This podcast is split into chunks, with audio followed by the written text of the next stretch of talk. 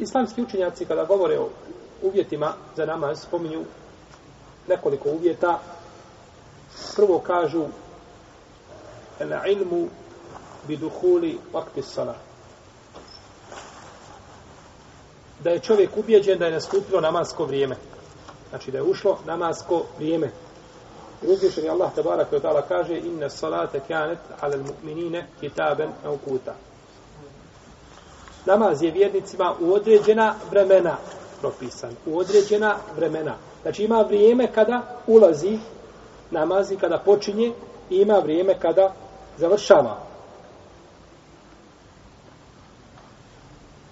Pa je došlo u sunnetu, znači jasno objašeno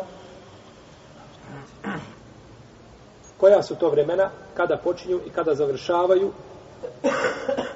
pa nije ispravno obavljati namaz prije vremena po konsensusu islamskih učenjaka, niti je ispravno namaz da se okasni i da se klanja mimo vremena, osim spominjali smo u kojim uslovima i kada. I dovoljno je, kako kažu islamski učenjaci, i tu su složni, da ne mora čovjek biti ubijeđen 100%, nego da kod njega preteže mišljenje da je već nastupilo namasko vrijeme. To je nekada bilo, znači danas je to puno lakše odrediti zato što imamo, znači, sahat, možemo znati kada počinje namaska vremena, kada se završavaju i tako dalje, pa je to puno lakše odrediti, znači, nego što je bilo nekada da se odredi, na primjer, kako je bilo odrediti nekada pola noći. Čime odrediti pola noći? Dok je vrijeme jacije namaza, po jednom mišljenju. Kako ga odrediti? Položaj, ali to je određivanje bilo približno. Ičtihadom. Nije kao kod nas. Znaš tačno koliko je sati kada zalazi sunce, znaš tačno koliko je sati kada nastupa zora i podijeliš to na dva dijela i znaš pola noći u minutu.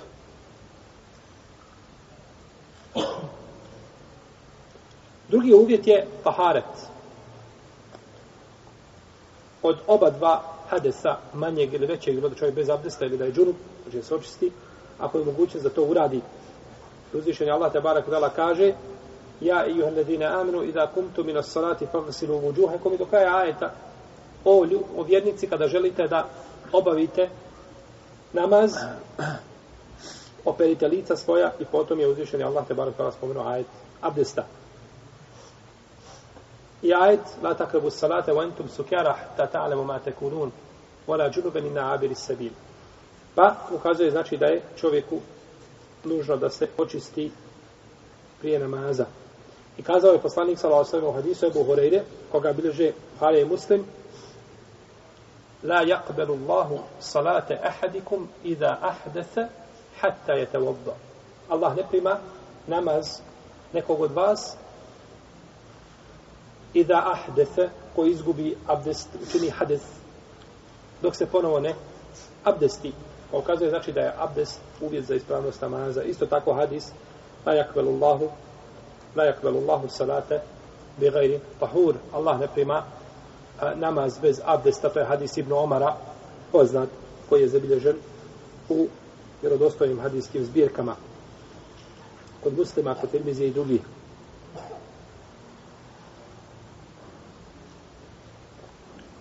Dakle, nije ispravno obavljati namaz bez tahareta, osim ljudima koji i onako imaju uzor opravdanje, kao što je čovjek koji ima selesul beul, znači stalni izlazak, nekontrolisani izlazak mokraće, kaže se za imama Malika, rahimahullahu ta'ala, da je od kraja svoga života a, bio iskušan a, ovim uzorom, jeli za namaz, i žena koja je u stihadu, a, koja je neprestano, znači curi, ima izlev krvi, e, čovjek koji stalno znači ne može kontrolisati izlazak vjetra i slično tome to sve znači ljudi koji imaju opravdanja ashabul azar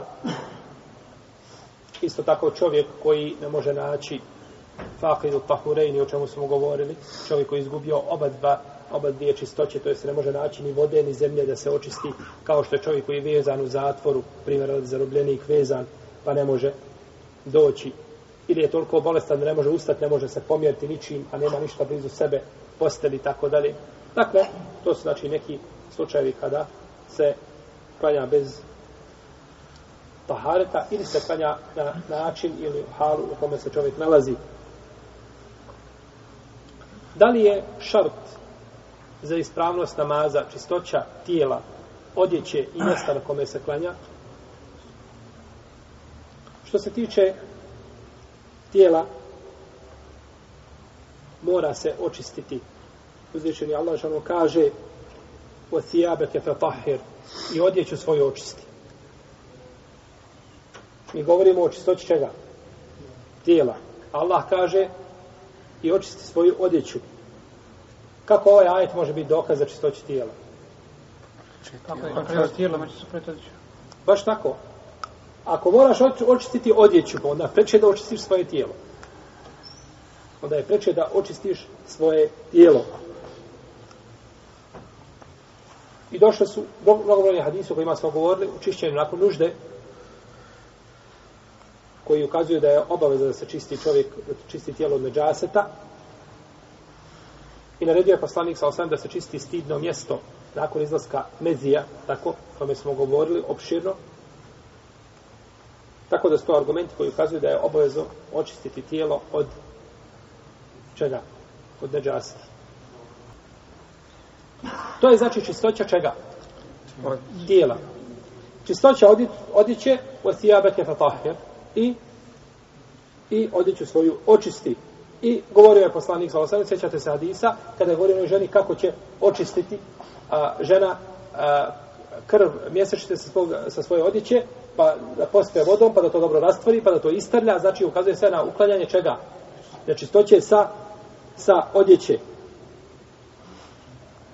Kada je poslanik sallallahu alejhi ve sellem klanjao kako je došao kod Ebu Davuda u njegovom sunenu sa ispravnim lancem prenosilaca, Kanjao jednog dana pa jednostavno je iskočio iz svojih papuča.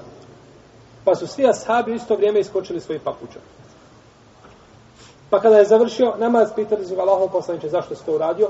Kaže, meni je došao Džibril i obavijestio, obavijestio me da na mojim papučama ima neđasita. A zašto ste vi to uradili? Vaše papuče su čiste. Kaže Allahom poslaniče, vidjeli smo tebe pa smo i mi tako uradili.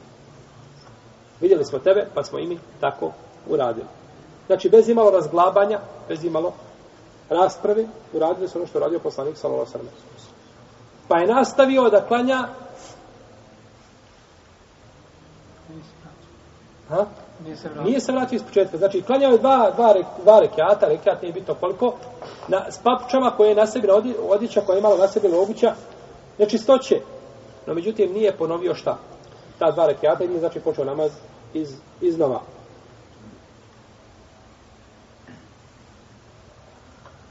I što se tiče čistoće mjesta na kome se klanja, uzvišenje Allah kaže Wahidna ila Ibrahime o Ismaile en tahira bejtije.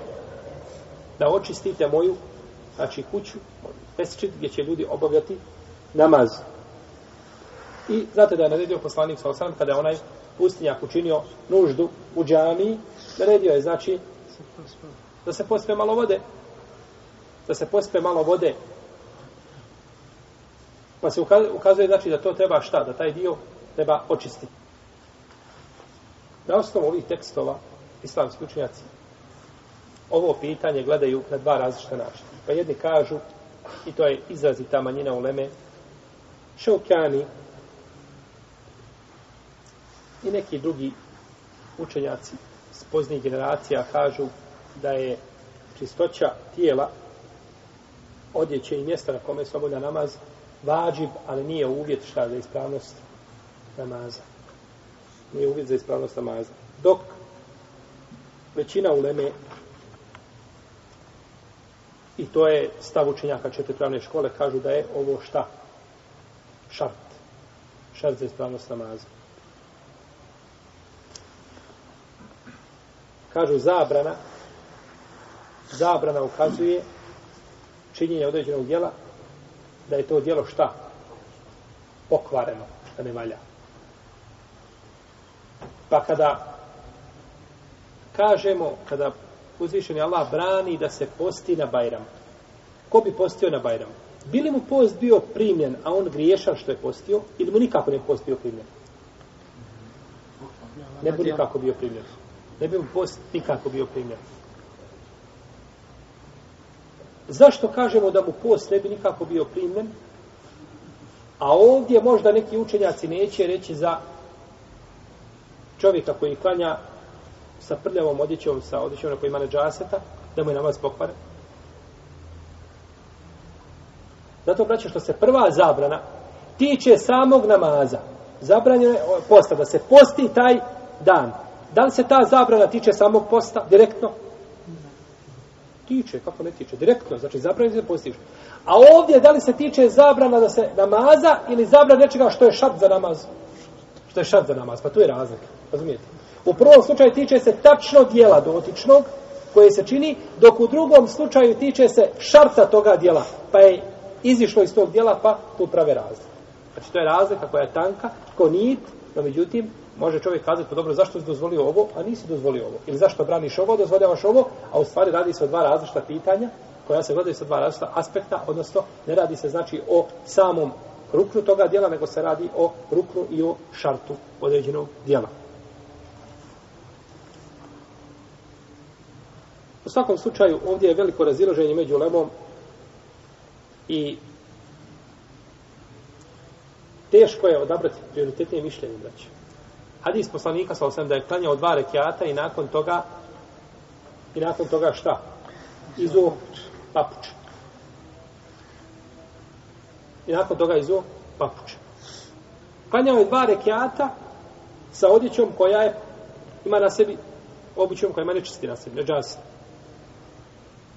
Ako kažemo da je šart, znači li to da su ta dva rekiata pokvarena? Znači, kako ne znači? Kada bi čovjek klanjao dva rekiata i sjeti za nema abdesta, će mu kazati, ide abdest i nastavi još dva ili s početka? S početka.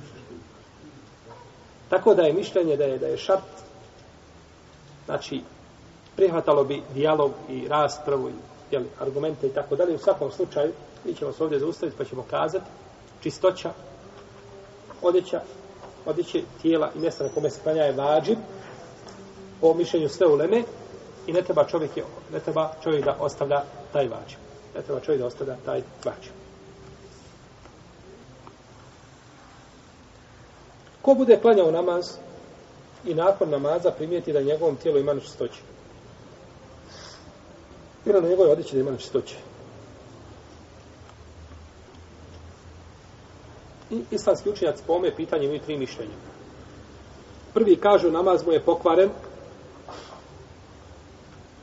i mora ponoviti svoj namaz dok se nalazi u vaktu. I ovo je mezeb Rebije i Malika i Al-Hasana, Al-Basrija. Drugo mišljenje je da mu je namaz pokvaren, da mu je namaz pokvaren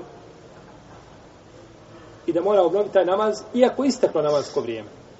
Iako isteklo namasko vrijeme. I ovo mišljenje mama Šafije i Rivajet od Ahmeda i kažu, budući da je to šart, pa ako ga ostavi, onda mora ponoviti znači, namaz. I treće je da mu je namaz ispravan i ne mora ga ponavljati, to je mišljenje Ibn Omara, Alpa, Ibn Musejiba, Mujahida, Ibn Thaura, Ishaka, Šabija, Ibrahima Nehaja, Lauzaja i jedan rivajet od imama Ahmeda i od šafijskih pravnika od dobroga Ibn Munzir. I oni dokazuju to argumentima Rabbena la tu'ahidna in nesina evo ahta'na. Gospodar naš, nemoj nas kažnjavati za ono što zaboravimo ili nehotice učinimo. I došlo u vjerozostavljem Adisu da je poslanik sallallahu sallam rekao kad te altu, neću, neću vaš kaznavati za to. Tako došlo kod muslima u sahiru. I isto tako hadis da je poslanik sallallahu sallam klanjao dva rekiata, kako? Sa papučama koje su imale na sebi nečistoće. Pa nije ponavljao taj namaz.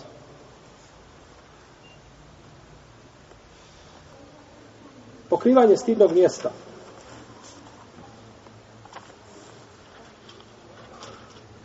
Slože su islamski učenjaci osim iznimnih mišljenja koja ne treba posebno ni spominjati e, pojedini islamski učenjaka koji iskazali da nije da je pokrivanje stidnog mjesta uvjet za ispravnost namaza, a to je čovjek mogućnost da ga pokrije. Zbog riječi uzvišenog Allaha te barake od ta'ala hudu zinetekum inda kulli mesčid i lijepo se obucite kada u džamiju pođete. to jeste pokrijte svoja stidna mjesta. Jer su prije ljudi tavafili oko Kjabe bez odjeće, kako je došlo muslimom sahihu. I došlo je u hadisu Ajše, la yakbalullahu salate ha'idin illa bihimar. Allah ne prima namaz punoletne žene osim sa himarom. Osim sa himarom. Pa je pokrivanje lice šta? Lica žene obavezno čak u Znači vidiš šta kaže poslanik? Allah ne prima namaz žene punoljetne haev koja ima hajd, koja je znači ušla u punoljetstvo, osim sa himarom. Znači bi bio bi šta je himar, bio bi himar obavezan i u namazu. Jeste, braću. Tako mi je Allah, himar je obaveza vađiv u namazu. Samo šta je himar? Himar je marama koja pokriva glavu. Mi kažemo za himar je ono što pokriva šta? Moj da kaže himar, himar je magarac. Nego treba reći himar. Himar je marama koja pokriva glavu i kosu sve osim lica. To se zove himar. A ovo što pokriva lice, to je nikad. To je nikad. Pa kaže u ome hadisu poslanik ovome, ne prima Allah namaz punoljetne žene osim sa maramom na glavi. Jel u redu? Znači, osim sa maramom. A ono što pokriva lice je nikab, to je nikab. No, međutim, oko ovoga hadisa postoje razilaženje, šeha Albani ga smatra dobrim, mnogi su učenjaci prigovorili o ome hadisu. Ali je rad, rad je po, po ome hadisu, znači kod islamskih učenjaka. Ibn Abdel Bar navodi konsensus islamskih učenjaka u svome djelu Temhid da onaj ko klanja bez odjeće da je da je pokvario svoj namaz. Da mu je namaz pokvaren batil. I to je prenio šehol Islam ibn Tejmije. Navodi se od nekih islamskih učenjaka malikijske pravne škole, no međutim, uvijek imamo iznimni mišljenja, tako da ispravno mišljenje da ko bi klanjao bez odjeće da mu namaz bio pokvaren.